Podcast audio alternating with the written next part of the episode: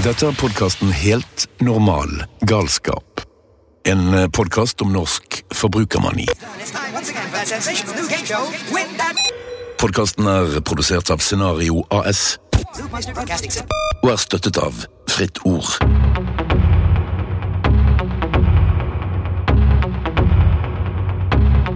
Her sitter vi i uh, vårt uh, komfortable, helt normal galskapsstudio. Godt og varmt der inne. Veldig deilig. Du har laget et nydelig lite studio her, Leif. Og jeg lurer på eh, Hvis du er milliardær, tilfører det deg noen egenskaper utover det at du er i stand til å løse en del praktiske, økonomiske problem veldig kjapt og greit? Antageligvis så har du en del angst også for å miste denne formuen din, tror du ikke?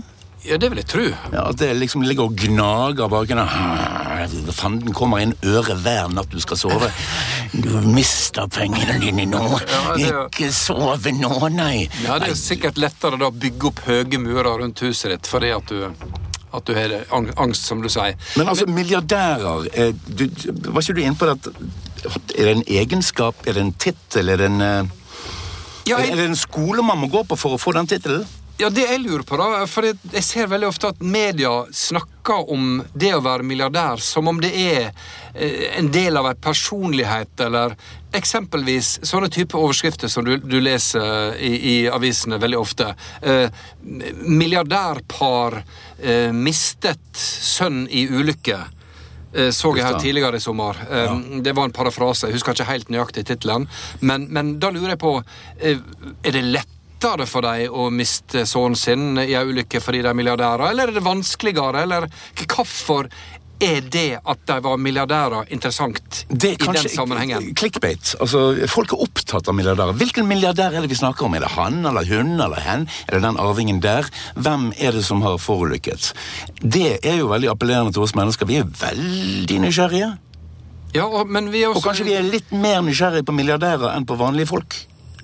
Ja, vi lurer kanskje på er det noen ekte menneskelige egenskaper her? Er det, er, er det som folk flest, eller er det opphøya til å være noe som vi aldri vil nå opp til? Ja, jeg tror Til alle tider så har mennesket vært opptatt av å se opp til de høyeste i samfunnet. på en eller annen måte. Så kan man lure på er det milliardærene som er de høyest ansatte i vårt samfunn. Uh, og hvorfor det, egentlig? Ja, men bør det være slik at bare du har mye penger på bok, så skal du på en måte få fri bane? Eh, altså, skjønner du hva jeg mener? Altså, et banalt eksempel. Det- Altså, det kommer fullt- først i køen? Ja, det er fullt på restauranten, men, men så ringer der en milliardær inn. Da da, da blir det fort et ledig bord likevel. Nokså sikkert fordi han betalte 100 000 i tips sist gang de var ute og spiste middag. Ja, det kan hende. At, Det har jo litt å si. ja. Tror du det er milliardærer Ja, de- i Norge som tipser 100 000 kroner? Definitivt. Tror du det? Dette er podkasten Helt normal galskap. Men du, Leif, vi skal videre i uh, vår søken etter uh, opplysthet her i denne podkasten. og um, vi har jo snakka med ganske mange interessante personer, synes jeg, hittil. Og jeg har fått, ta- tak i en til. En, en veldig uh, spennende fyr som både er Økonom og eh, eh, psykolog. Ja, han er psykolog. Uh, per Espen Stoknes ved, ved BI. Han er førsteamanuensis der. Han er tidligere vært MDG-politiker, ikke sant? så han er, han er en ganske frittalende, morsom fyr. Uh, og vi er opptatt av dette med at vi mennesker er eventuelt i stand til å tolke faresignal. Ser vi dem først når de er så umiddelbare at de er oppi trynet på oss? Daniel Kahneman er en berømt psykolog. Han snakker om at vi har to modus i hjernen. Den ene er raskt, den andre er sakte. Den raske det er liksom eh, hvis du fornærmer meg, eller hvis jeg ser ei kul dame, eller hvis jeg plutselig eh, får høre Eller at jeg ser en bil komme mot meg, så reagerer jeg intuitivt. Eh, hele kroppen går bare rett inn i sånn ubevisst, umiddelbar reaksjon. Um, og så går den sakte biten av den jeg begynner å tenke over hva skjer egentlig nå. Hvorfor reagerer jeg sånn som jeg gjør? og Hva betyr nå egentlig en PPM eller CO2-konsentrasjon? Og Da må vi bruke den delen av hjernen som, som um, trenger tid og, og for å ta det inn. da. Um, og da når um, denne her, um, eh, som du sier, vi, vi, vi, tror det vi ser, men ikke på det vi bare hører, så mener du egentlig at eh, når den distansebarrieren brytes, eh, og jeg opplever det personlig, nært og umiddelbart, da vil jeg reagere. Og faktisk er det sånn at Den enkleste måten å unngå den distansebarrieren på, det er å se på hva naboen gjør. Jeg kan forklare et par ting. da. Så Jeg kan høre om klima, og jeg kan liksom høre om 2050 og PPM, og sånn, men det bryr ikke meg. som du sier. Jeg ser det, det er ikke tydelig. Men når naboen kommer hjem med en Tesla og bensinprisen går opp i 25 kroner, å faen, da kommer det nært. Mm. Så plutselig har liksom klimaet blitt relevant. da, fordi at hjernen vår er mye mer sosial enn den er rasjonell.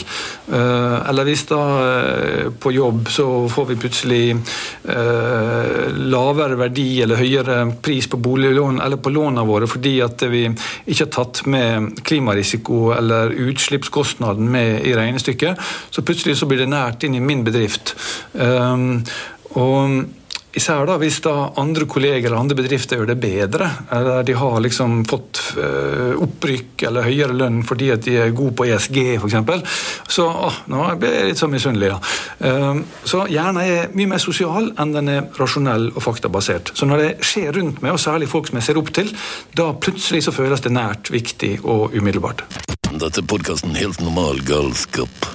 Er du bekymra for uh, framtida nå, med tanke på alt som skjer uh, geopolitisk, og det er kriger og det er renteauke, og plutselig så kan vi faktisk komme i en situasjon der vi ikke er sikre på om det er like stort utvalg i matvarehylla som det er til vanlig? Er du bekymra? Den som ikke er bekymra, må jo være uinformert. Så det er jo grunn til bekymring på alle bauger og kanter.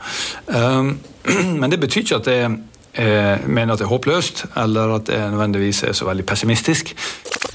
Vi har to øyne. Sant? Høyre og venstre. Og Hvis jeg ser med begge to, så får jeg litt sånn ulik vinkel, og da kan jeg se dybde. Hvis jeg mister det ene øyet, så blir verden mye flatere. Det er derfor vi, vi kan være gode på å kjøre bil, for vi kan bestemme dybdeavstanden. Sånn tenker jeg også med optimisme og pessimisme.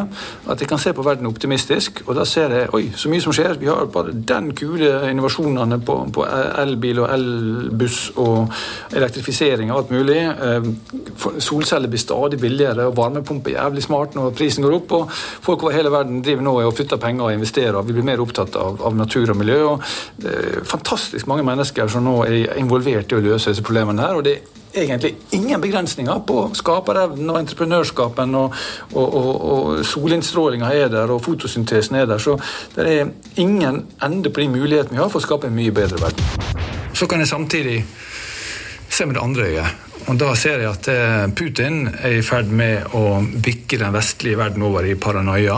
Ehm, og eh, her blir det å alle sammen skal sikre seg sjøl eh, først. Og egentlig så er folk mest opptatt av det kortsiktige, og enhver er seg sjøl nærmest. Og de fattige er nå satt seks år tilbake, og vi har ikke lenger mer tid på å få ned utslippene, og utslippene er fremdeles altfor høye. Vi styrer mot irreversible tippepunkt. Um, så må jeg da ta et skritt tilbake igjen og så må jeg bruke begge de to øynene samtidig. og Da ser jeg kanskje at begge deler riktig, og da er jeg verken optimistisk eller pessimistisk. Jeg er ikke nødvendigvis realistisk heller, men jeg ser iallfall uh, verden mer mangfoldig enn bare helvete eller uh, himmelen. Uh, fordi at det er det vi kommer fra. Vi er jo puritanister, og du er fra Sunnmøre. og Vi er, oppvokst med himmel og helvete siden vi var barnsbein og 100 år tilbake igjen. Og Jeg kaller det da ofte for den teologiske fallgruven, hvis du bare ser positivt på ting eller bare negativt på ting. Da er det enten himmel eller helvete men virkeligheten er mye mer nyansert enn som så. Dette er podkasten Helt normal galskap. Så jeg er ikke avhengig av optimisme eh, for å ha håp. Jeg er heller ikke avhengig av pessimisme. Jeg er ikke blitt en gammel eh, desillusjonert grinebiter ennå. Eh, så min balansegang er at jeg syns det er gøy i en verden med så mye usikkerhet å prøve å bidra. Så hver dag så føler jeg at jeg kan gjøre en litt forskjell. Ikke fordi at jeg ser at verden endrer seg, ikke fordi at verden blir sånn som jeg håper eller tror, men fordi at det er viktig, og det kjennes meningsfylt for meg. Eksempel I dag har jeg hatt en, en forelesningsrekke for ledere i Veidekke og skapt begeistring for bærekraftstrategier og grønn vekst og, og innovasjonsvilje og, og smartere innkjøp. Og, og de kommer med til meg og sier at dette var kjempeinspirerende. Uh, da kjenner jeg liksom at ok, nå har jeg gjort noe i dag. Uh, så jeg er håpfull. Ikke fordi jeg er optimistisk, men jeg er håpefull fordi at eh, jeg syns det gir meg glede å bidra til de skrittene i hverdagen og hvert år at vi snur oss litt og litt i en bedre retning. Hvis du henter fram økonomen i deg, eh, hvordan er dette her med med forbruk. Vi blir jo stadig vekk oppfordra til å forbruke. Det jo Politikerne maser på oss. Så lenge jeg kan huske i mitt voksenliv, så blir vi masa på. Vi må kjøpe mer. Vi må handle mer. Det er det eneste saliggjørende her. At vi faktisk får disse pengene til å bytte hender fort som bare juling. Mm. Med tanke på den tida vi nå er i, kan, kan du forklare Går det an å ha et bærekraftig samfunn uten at disse pengene bytter hender hele tida? Altså, går det an å Er det noe som Går det an å si ok, folkens, nå er vi på et bra nivå, nå kan vi roe litt ned? Altså, er det sånn Bukker vi under, da? Disse tingene forstår ikke jeg. Nei. Liksom, eh, stopp toget, jeg vil av. Ja. ja. um, du setter fingeren på, på veldig viktige ting. Um, fordi vi bor i et samfunn som har en bestemt form for kapitalisme. Uh, og den er helt inn i DNA-et vårt, eller ryggmargen vår. Eh, hvordan kom den dit? Jo, eh, det begynte med en eh, kristen munk i 1492 som heter Luca Pacchioli. Han skrev en bok om regnskap. Eh, du har sikkert hørt om dobbelt italiensk bokføring. Det går på kreditt og debit. Og Med det så innførte han et system da, som går på at eh, alle som driver næring, og den gangen var det jo særlig kloster og munker og sånn, og grunnen til at dette her var så viktig, var jo at disse munkene var så jævla korrupte. De bare tok almissene og stakk i sin egen lomme. og og sånn. Så det trengtes en måte å rydde opp i det. Og Med det så fødte han også da en vestlig form for kapitalisme. Som er at du må føre regnskap for det du gjør. Og du har et resultat hvert år, og du har da en um, balanse hvor du fører eiendeler og, og gjeld. Hele samfunnet baserer ut fra den modellen. Så det er vanskelig å overvurdere hvor enorm innflytelse den, den måten å tenke på har hatt. Uh, så Punkt én nei. Ehm, vi er ikke i stand til å stoppe forbrukskarusellen. Fordi eh, da stopper jo også alle bedrifter og alle arbeidsplasser. Og myndighetene får heller ikke noen inntekter og avgifter. Og du kan heller ikke betale helsehjem, og, altså helse og, og barnehager og, og hele det som driver samfunnet vårt rundt. Ehm, men så er det mange som tenker at kapitalismen er én ting. Men det er også en forenkling. Du må aldri egentlig bare kritisere kapitalismen. Fordi kapitalisme er egentlig bare det at når du har putta pengene inn i noe, f.eks. et hus eller en bil eller en maskin, så er det sånn at uh, hvert år så får du en viss sånn utbytte eller nytte av den. da, Så kan du ha en glede av å bo i, i huset, du har en, en, en, omsetning fra den maskinen, og du har da en viss sånn nytte av, av bilen eller hesten eller hva det nå er. Um, og så er det sånn at Noe av det utbyttet det må du spare. Uh, sånn er det også i det gamle landbrukssamfunnet. Hvis du hadde en gård, og så spiste du opp alt kornet, eller du spiste opp alt kjøttet, så hadde du ikke noen ku igjen til neste år. Så du må alltid ta en viss andel, og så reinvestere resten. Og Da er det store spørsmålet hva investerer du i? Hvis det er sånn at du bare investerer i mer forbruk, at hvert år så skal jeg forbruke mer og aldri spare noen ting, ja, da er du på vei mot en langsiktig ruin, da. Og det går ikke. Ehm, så vi må sørge for at viktigere enn forbruk er egentlig hvordan vedlikeholder vi eiendelene våre, om det er huset eller om det er maskiner, eller om det er kunnskapen vår i hodet. Og du kan forbruke ved at du går for da, på et eh, kompetanseutviklingsprogram, og så får du mer kunnskap. Da har du reinvestert. Du må betale for det, så det er for forbruk. Og på samme måte, hvis du går på et yogastudio og blir mykere og bøyer opp ryggen din, og sikkert at du blir mindre syk, så er det også en investering i din egen eh, kompetanse og produksjonsevne. Eh, og det er sånn at vi har hatt ekstrem fokus på de finansielle og produktive investeringene, og så har vi glemt å putte penger inn i naturen. Eh, Så vi må sørge for at elvene er rene, og at eh, temperaturen stabiliserer seg, og at jordsmonnet blir bedre og ikke utarma.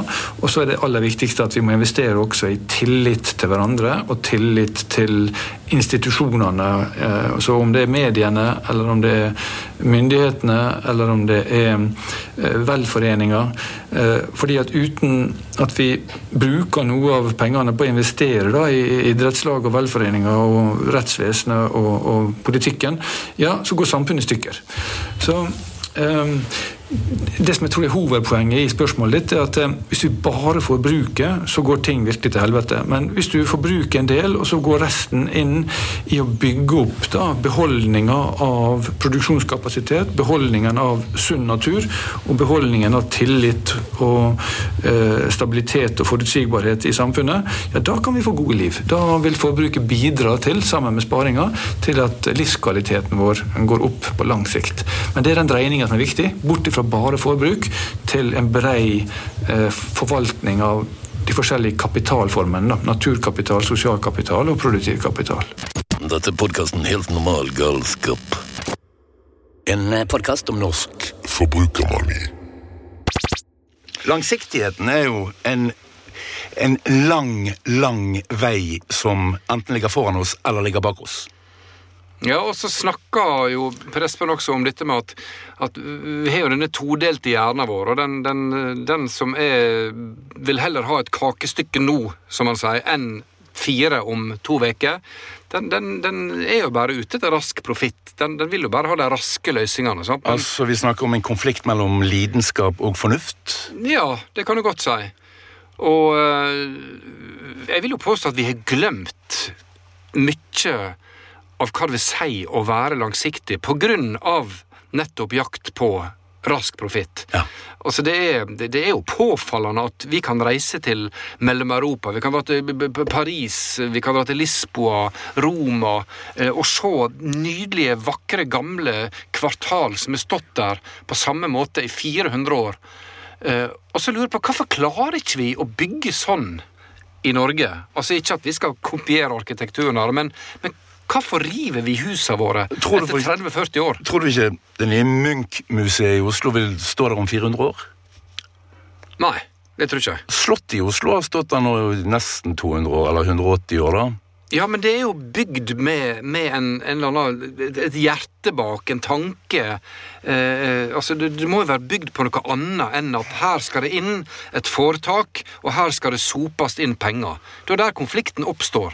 Eh, Ok, skjønner jeg det rett nå? Altså, du er ute etter å benytte arkitekturen og økonomien med, lang, med større langsiktighet enn enn det de gjorde i dag, da? Ja, nå, nå var dette med arkitektur eh, et tilfeldig valgt eksempel. da. Eh, Jeg har det med å blande korta, Leif. jeg vet det. Men, men, men er ikke det noe der, da? Altså, det, det må jo være en grunn til at, at da jeg flytta til, til Oslo i 89, da var de i ferd med å ferdigstille Aker Brygge. Og en stor del av den rekka der ble revet da for noen år siden. Den, den som begynner helt der som Nesoddbåten legger til. Ja. Hvorfor klarer ikke vi Men de gamle bygga, de gamle teglsteinsbygga fra gammelt av som tilhørte. Akermek, de står. ja. Sant? Hvorfor står de? Eh, eh, Jeg er ikke arkitekt eller økonom, men jeg antar Altså, noe må jo bort. Vi kan ikke spare på alt. Nei, det kan ikke vi, men, men det er jo noe med at når du bygger med noe som har et eller annet estetisk uttrykk eh, som skal si noe annet enn at bare her skal det, her skal det inn folk og bare maksimere profitt. Er ikke noe der? Er jeg helt på villspor her? Nei, jeg tror ikke du er på villspor. Jeg tror profitt er nettopp det som er dilemmaet i enhver utfordring i et samfunn som iallfall er en samfunnsoppgave, enten en stortingsgarasje eller Aker Brygge eller hytte på fjellet. Eh, budsjettene ryker jo. Budsjettene ryker hele tiden. Ja. Fordi alle vil ha litt mer, og noen blir krenket på veien fordi de ikke har fått nok. Ja. Så hørte jo nettopp eh, Jon Hustad i podkasten Han var gjest i podkasten til Wolfgang Wie.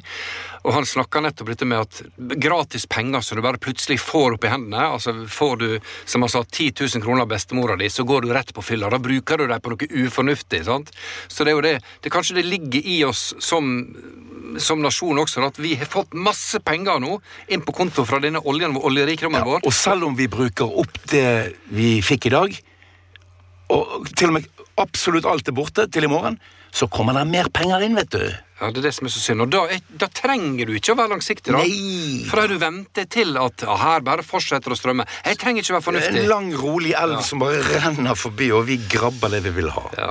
Eller- Sånn sett så er vi da eh, Da kan en jo lure på om, eh, om at vi virkelig eh, trenger et traume, et nasjonalt traume, for å vekke oss sjøl til live. Og det var jo kanskje det Slegge i bakhodet. Ja, altså det var jo det også Per Espen snakka om til å begynne med her, om at, at pandemien var jo et sånt traume for oss. eh, som ga oss muligheter til å se på tilværelsen på en annen måte. Det, vi måtte jo det. Ja. Men så lenge det er fri flyt, så, så trenger ikke vi å ta stilling til sånne ting. Vi må gjøre som de som bor på Borneo i Indonesia sier når de er ute og reiser. Da sier de vi må ut for å vaske øynene våre. Ikke sant? Og få et nytt blikk. Nettopp, nettopp. Og jeg tenker jo at, at som menneske så er det ofte sånn at en, en, en trenger beklageligvis ofte et traume eller ei ulykke for å finne ut hvem du er. Sant? For, for å finne ut hva du lager av. For å finne ut hvor veien går videre. Eh, og jeg spurte prespen Stoknes om, om akkurat det. Om vi da som nasjon faktisk trenger et skikkelig sleggespark i bakhodet for å, for å kunne stake ut en, en bedre vei for framtida og de som kommer etter oss. Absolutt. Og vi så jo hvordan eh, covid-krisen var en sånn portal, eller en åpning til å, å forstå oss sjøl på en litt annen måte. Eh, plutselig så endra vi alle sammen eh, atferd og, og gikk med masker og jobba mer hjemmefra. Og, og jeg er opptatt av hva hver enkelt kan gjøre. Jeg mener individets handlinger er ganske viktige. Skal jeg gå litt inn i det? Har du lyst til det? gjerne. Ja. Så på en måte så er jo klimakrisa et styringsproblem, men med et demokrati så tør jo ikke politikerne gå lenger enn det som individene er med på. Og Da er det fire roller vi har som individer som er viktige at vi tar tak i. Det første er det du snakker om om forbruk. Fordi hvis det bare er snakk om å forbruke mer, så er ikke det noe særlig bra, hvis du særlig tenker på det materielle forbruket. Men forbruk er så mye rart, som jeg var litt inne på. Kanskje kan jeg bruke mer penger på konserter, kanskje kan en bruke mer penger på eh, coaching, eller eh, mer penger på eh, at jeg eh, bidrar inn i det frivillige arbeidet, eh, sportsklubben eller hva det nå er. Og da er det sånn at det å vri forbruket mitt fra noe som bare da har store fotavtrykk på naturen, til noe som har en positiv innvirkning, og som er skal vi si da, mer penger med, med mindre materialbruk, da er jeg med på å vri forbruket i retning av bærekraftig forbruk. Da. Så det syns jeg er kjempeviktig, at du alltid velger i butikken det som er minst fotavtrykk, eller at du unner deg sjøl gode ting, om det er en, en, ja, en yogaøkt eller et musikkstykke eller om det er whatever, som gir deg et bedre liv, så er det bra forbruk. Så mye forbruk er bra. Men ikke bare det. Du også en som jobber, de fleste av oss. da. Noen nå er studenter, men det går også på det samme. Så hva gjør du som student, eller som arbeidstaker eller som arbeidsgiver? Er du med på å vri virksomheten rundt? F.eks. du som er journalist. da. Hvor mye sånne programmer bruker man om de viktige problemstillinger? Eh, om det, det langsiktige med klima, eller det, det sosial ulikhet, eller Og hvor mye lager du om bare om uh, siste mote eller influenseren som på en måte har en skandale, eller en, en eller annen sex dings som uh, du vet at folk vil klikke på. Skeiv penis. Så uansett da, om du er arbeidsgiver eller arbeidstaker, så kan du være med på å vri teamet ditt, prosjektet ditt, selskapet ditt i en mye mer langsiktig retning. Og det er utrolig viktig. Minst like viktig det du gjør på jobben, som det du gjør som forbruker. Den tredje rollen vi har, i tillegg til forbruker og, og arbeider, det er at vi eier ting. Eh, og kanskje hvis du har en, en sparepakke, du har noen aksjer eller du har noen pensjoner, eller et så må du spørre de som forvalter aksjene dine er det sånn at, disse her er, er det sånn at pengene jobber for det for at samfunnet skal bli grønnere og mer rettferdig, eller eh, er du eksponert mot ting som vi vet ødelegger kloden? Um, For for min egen del, selv om oljeaksjer har gått veldig opp, så har, jeg valgt, har jeg valgt bevisst å ikke putte pengene mine i oljeaksjer, fordi jeg vet at de ødelegger kloden og klimaet på sikt. Uh, kan man si mye om norsk gassproduksjon til Europa, sånn. jeg er ikke mot det på noen måte, men, men likevel, det er mitt valg. da. Jeg har valgt å flytte pengene mine til det som jeg mener er mest bærekraftig. Og det siste en individ kan gjøre, og det er noe vi ofte glemmer, det, men det er det aller aller viktigste. Hvis du bare skal gjøre én ting for klimaet, så er det å bruke stemma di når du stemmer i valg på det partiet som har den mest aktive miljøpolitikken. Eh, hvis alle gjorde det, bare den ene tingen hvert fjerde år, så har du gjort din rettferdig andel av omstilling. Og i tillegg kanskje melde seg inn i et politisk parti, slik at du har stemmerett også i de prosessene. Det er enda bedre. Og hvis du i tillegg kan være med å jobbe i sivil sektor, eh, om det er den lokale gruppa av Naturvernforbundet, eller om det er Amnesty, eller om det er i eh, skal vi si en eh, ja, velforening, eller altså at du bidrar inn til en aktiv dialog i det sivile samfunn, så er du det vi kan kalle da en engasjert borger. Og det, det Ordet borger er det viktige her. Så, så vi, Som individer så har vi mange muligheter, både som forbrukere, som arbeidere, som eiere og som borgere.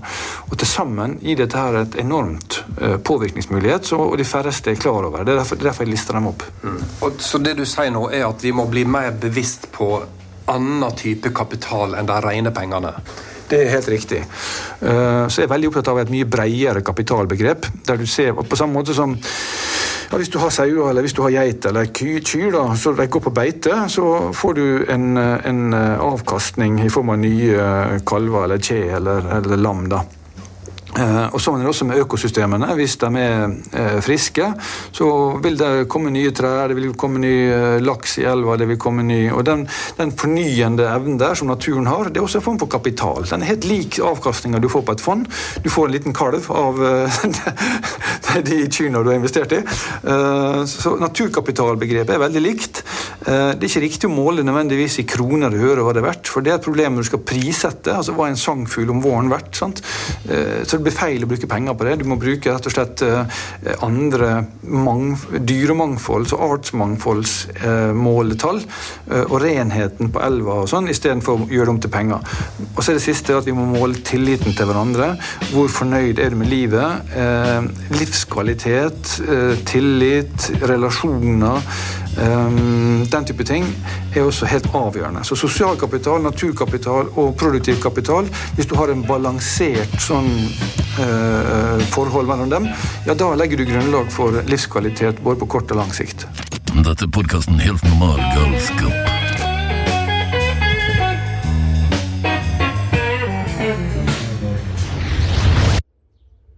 Er vi nordmenn i stand til å tenke langsiktig? Altså, jeg, jeg tenker at vi har glemt det. fordi at altså, For, for 1000 år siden sånn, så gikk jo mannen rundt i skogen og så at denne furua der, den skal på den uh, stavkirka som skal bygges om 70 år etter min død. Ja. Mens i dag så river vi bygningsmasser som er 30-40 år gamle, og vi stiller ikke spørsmål til det engang. Klarer vi, Har vi glemt hva vil si å tenke på den neste og den neste og den neste generasjonen? Ja. Hvordan skal vi klare å, å, å minne oss sjøl på hvor viktig det er igjen? Ja, skal male fanden på veggen her, da, så er det jo sånn at eh, eh, vi individer, særlig som forbrukere, det viser seg at vi heller vil ha en fugl i hånda nå enn eh, ti fugler om ti år. da. Eh, Bruker den metaforen. Jeg Vi heller spiser kaka vår nå framfor å vente til å få eh, en og en halv kake om fem år. Så det er godt dokumentert at fra barn til voksen så foretrekker vi et komfort her og nå framfor å utsette den gevinsten til senere. Så det ligger en kortsiktighet i den menneskelige tankeevnen. I tillegg så er det sånn at uh, markedet og kapitalismen, om du vil, ved å ha en forventa avkastning på tre, eh, tre eller, ja, særlig 7 eller 10 prosent, da, så ehm, vil du tvinge bedrifter og finansmarkeder til å være veldig kortsiktige. Hvis du har for da, en forventning om 10% så er det sånn at eh, da halverer du verdien om fremtiden som ligger sju år fram i tid. Og hvis du har 14 år fram i tid, så er du nede på en kvart av verdien. Uh, Så det får, det får liksom verdien til å se veldig stor ut nå, men fremtiden blir uh, glemt, da. Uh, Og det er en funksjon av, av denne renteregninga. Eh, og Ja, og I tillegg til at det er veldig mange kapitalister eh, som vil bli enda rikere veldig, veldig fort. Med en gang. Ja, nettopp. Så mange syns 10 er for lite, de vil gjerne ha 15 da. Og da er du nede på en halvering av fremtiden hvert fjerde år. Eh, Og det er omtrent som demokratiet, eh, hvor politikerne er også opptatt av egentlig bare en horisont på fire år. Så her er problemet vårt. Altså, vi er kortsiktige som individer, vi er kortsiktige i markedet, og vi er kortsiktige i demokratiet.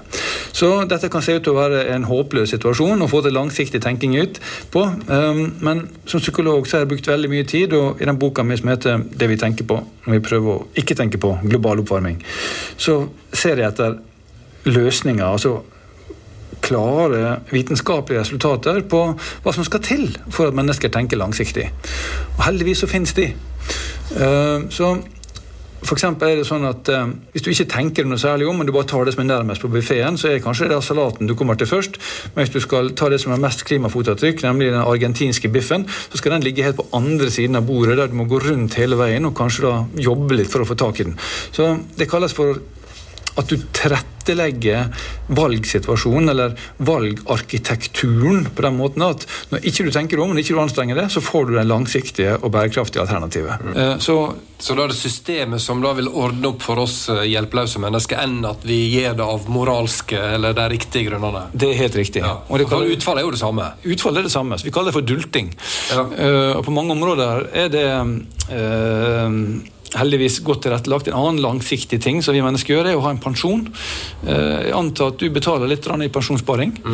Eh, det får du kanskje bruk for før om 20-30 år. Så det er et eksempel på at du gjør noe i dag for 20-30 år fram i tid. Så poenget mitt er at ved at andre gjør det, og at det blir en standard og en forventning, og at eh, det blir enkelt for meg, så vil jeg også handle langsiktig i hverdagen. Så hvis det blir en standard at de fleste hus for eksempel, lager mer strøm enn de bruker, ved at det bare kommer solceller på taket, og du har trelags vindu, og du har varmepumpa ferdig, så er det liksom Det er selvfølgelig bare sånn du har det. Og eh, du nesten jobber hardt for å måte, få et nytt hus da, eller få en ny bolig som ikke har eh, den, den egenskapen. Så, så, så må vi gjøre det. Vi må være klar over at, at mennesket er opptatt av de kortsiktige og nære ting. Og så må vi da bruke samfunnet og vår rasjonelle side til å gjøre det lett for oss å velge det langsiktige. Så det vi står overfor, er en kultur- og standardendring i retning av det som er mer ressursbesparende eh, enn det vi har hatt på 1900-tallet. For da tenkte ikke vi på disse tingene her. Men helt til slutt, da. Du sier da at både politikken og, og vi som forbrukere og enkeltmennesker er kortsiktige. Hadde du vel anbefalt eh, åtte års stortingsperiode, da? Har det ikke vært et spennende eksperiment å utvide det litt med et par år?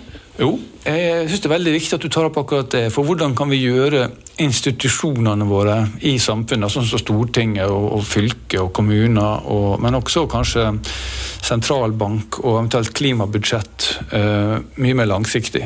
Så sett at du hadde halvparten av politikerne som var på valg hver gang, da, mot åtte år, så tror jeg det kunne vært med å påvirke politikken mot mer langsiktighet. Ja. Sikkert du hadde 50% som ble valgt for åtte år, istedenfor at alle ble valgt hvert fjerde år. Uh, I tillegg så vil jeg anbefale at du vet, pengepolitikken var sånn at hvis politikerne skulle tilfredsstille alle ønskene fra alle de som hadde valgt dem med en gang, og de kunne bare trykke så mange penger de ville ha, ja, så ville du ha fått altfor rask vekst i statsbudsjettet. Så det demokratiet gjorde da, var at man valgte å skille ut sentralbanken som uavhengig, og da kan ikke politikerne bestemme eh, renta eller hvor mye penger da, som samfunnet skal ha hvert år. Eh, så demokratiet har valgt å flytte da en viktig del av samfunnsstyringa ut av en demokratisk kontroll for å få en mer balansert og langsiktig vurdering. Det samme kunne vi gjøre med et klimabudsjett.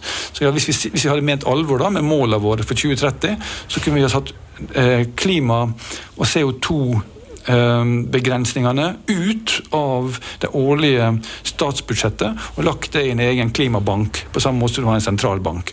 Og Da ville den klimabanken sagt til politikerne på samme måte ja, her har ikke dere oppfylt eh, det, krav, det mandatet vi har fått. Og Da vil du ha styrka langsiktigheten i demokratiet ved å legge om hvordan vi håndterer de langsiktige problemene innenfor en fireårshorisont. Det hadde jo vært et utrolig spennende eksperiment å, å kunne forlenge en stortingsperiode. Altså, Hvorfor blir ikke det snakka om? Ja, og hva skjer i løpet av fire år, kontra eventuelt åtte år? Er det det du sier? Eller Ja. hva vil skje? Ja, altså det er, du rekker, Hva rekker du? Noen politikere vil sikkert påstå, eh, for å kunne finpusse glansen av seg sjøl, at de får gjort vanvittig mye i løpet av fire år. Noe får du nok gjort, men problemet er jo at alle skal jo ha en egen plakett på veggen. Altså- sant? Og sjøl om det har vært et system i forkant som har fungert knirkefritt, så skal du endre det fordi at nå er det nye politiske farger. Nå er det det som skal gjelde. Du snakker om kontinuiteten. Ja, Ja, men, men her er en tanke. Fordi vi, vi går rundt og snakker om sosialdemokrati i Norge, og veldig ofte så er det Arbeiderpartiet som, som trykker det til sitt bryst. Men min tanke er at i Norge så har vi ett politisk parti. Og det heter Stortinget. Innenfor Stortinget der har du parentesen av politiske stemmer i Norge, de som har fått borgernes eh, tillit. Og det er der sosialdemokratiet ligger. Inni den parentesen. Fra den ytterste høyre side til den ytterste venstre side. Det er den jeg har tro på. Og så kan du spørre hva er det som gjør at disse menneskene i vårt norske demokrati, i det politiske partiet vi kaller Stortinget, hva er det som gjør at de er så i kontradiksjon til hverandre. Uh, Istedenfor å peke i samme retning når vi da står overfor denne krisen. Naturkrise, klimakrise, forbrukskrise, strømkrise. Alle disse krisene som nå foregår. Og alle vil jo løse det. Men så sitter vi og hestehandler om det. Ja. Og det er nå vi har muligheter, for nå har vi et veldig konkret prosjekt. Vi har energikrise, sant? vi har geopolitiske trusler, vi har kriger som begynner å nærme seg våre grenser. Sant? Vi har nå vi begynt å plukke ut spioner i, i Norge. Sant? Så det, det, det, sniker seg på oss sakte, men sikkert. Det jeg er bekymra for, oppriktig, det er at, at disse denne snikinga som, som kommer litt nærmere oss for hver dag, den blir normalisert. Jeg er litt redd for at våre politikere er litt for opptatt av sin egen logo fremfor å fremme sak som skal eh, da tverrpolitisk kunne redde verden. Eh, man hevder at det er vi som har løsningen. Men det er ikke bare den logoen som har løsningen. Løsningen må finnes innen parentesen. Stortinget. Vårt politiske parti. Ja. Vi, vi må snakke med politikere. Hvem, hvem, hvem er du på ønskelista di? Uh, ja Det vil jo være Altså, vi snakker om klima, miljø og forbrukervanvidde. Da vil det være naturlig for oss å snakke med en grønn politiker, hvis det eksisterer. Um, jeg har ikke noen på tungen, men det har kanskje du? Ja, Vi kunne ha snakka med MDG, vi kunne ha snakka med, med, med Moxnes i Rødt eller Mimmi Kristiansson. Vi, kunne vi må selvfølgelig snakke med de på høyresida også, og de på midten. Altså, Vi må, vi må få politikerne i tale. Jeg tror jo at Sylvi er like opptatt av eh, krisen foran nesetippen vår som eventuelt Moxnes er. Eh, de har en litt sånn ulik tilnærming til problemstillingen. Ja. Vi iallfall veldig opptatt av at du skal snakke om disse tinga. For vi, Leif, vi har jo ingen sponsor. Nei, altså lytteren er vår sponsor, og det betyr at dersom du synes vi har noe å fare med, hvorfor kan ikke du si ifra til dine venner at de også må gjøre som deg, lytte på dette? Du har nettopp hørt en episode av Helt normal galskap. En podkast om norsk forbrukermani. Sørg for at du abonnerer på podkasten ved å klikke på RSS-ikonet i din avspiller. Vi har lyst til å komme i kontakt med deg. Vi vil høre hva du tenker. Sjekk ut vår Facebook-side for kommentarer om det du lyttet til. Takk for at du lyttet.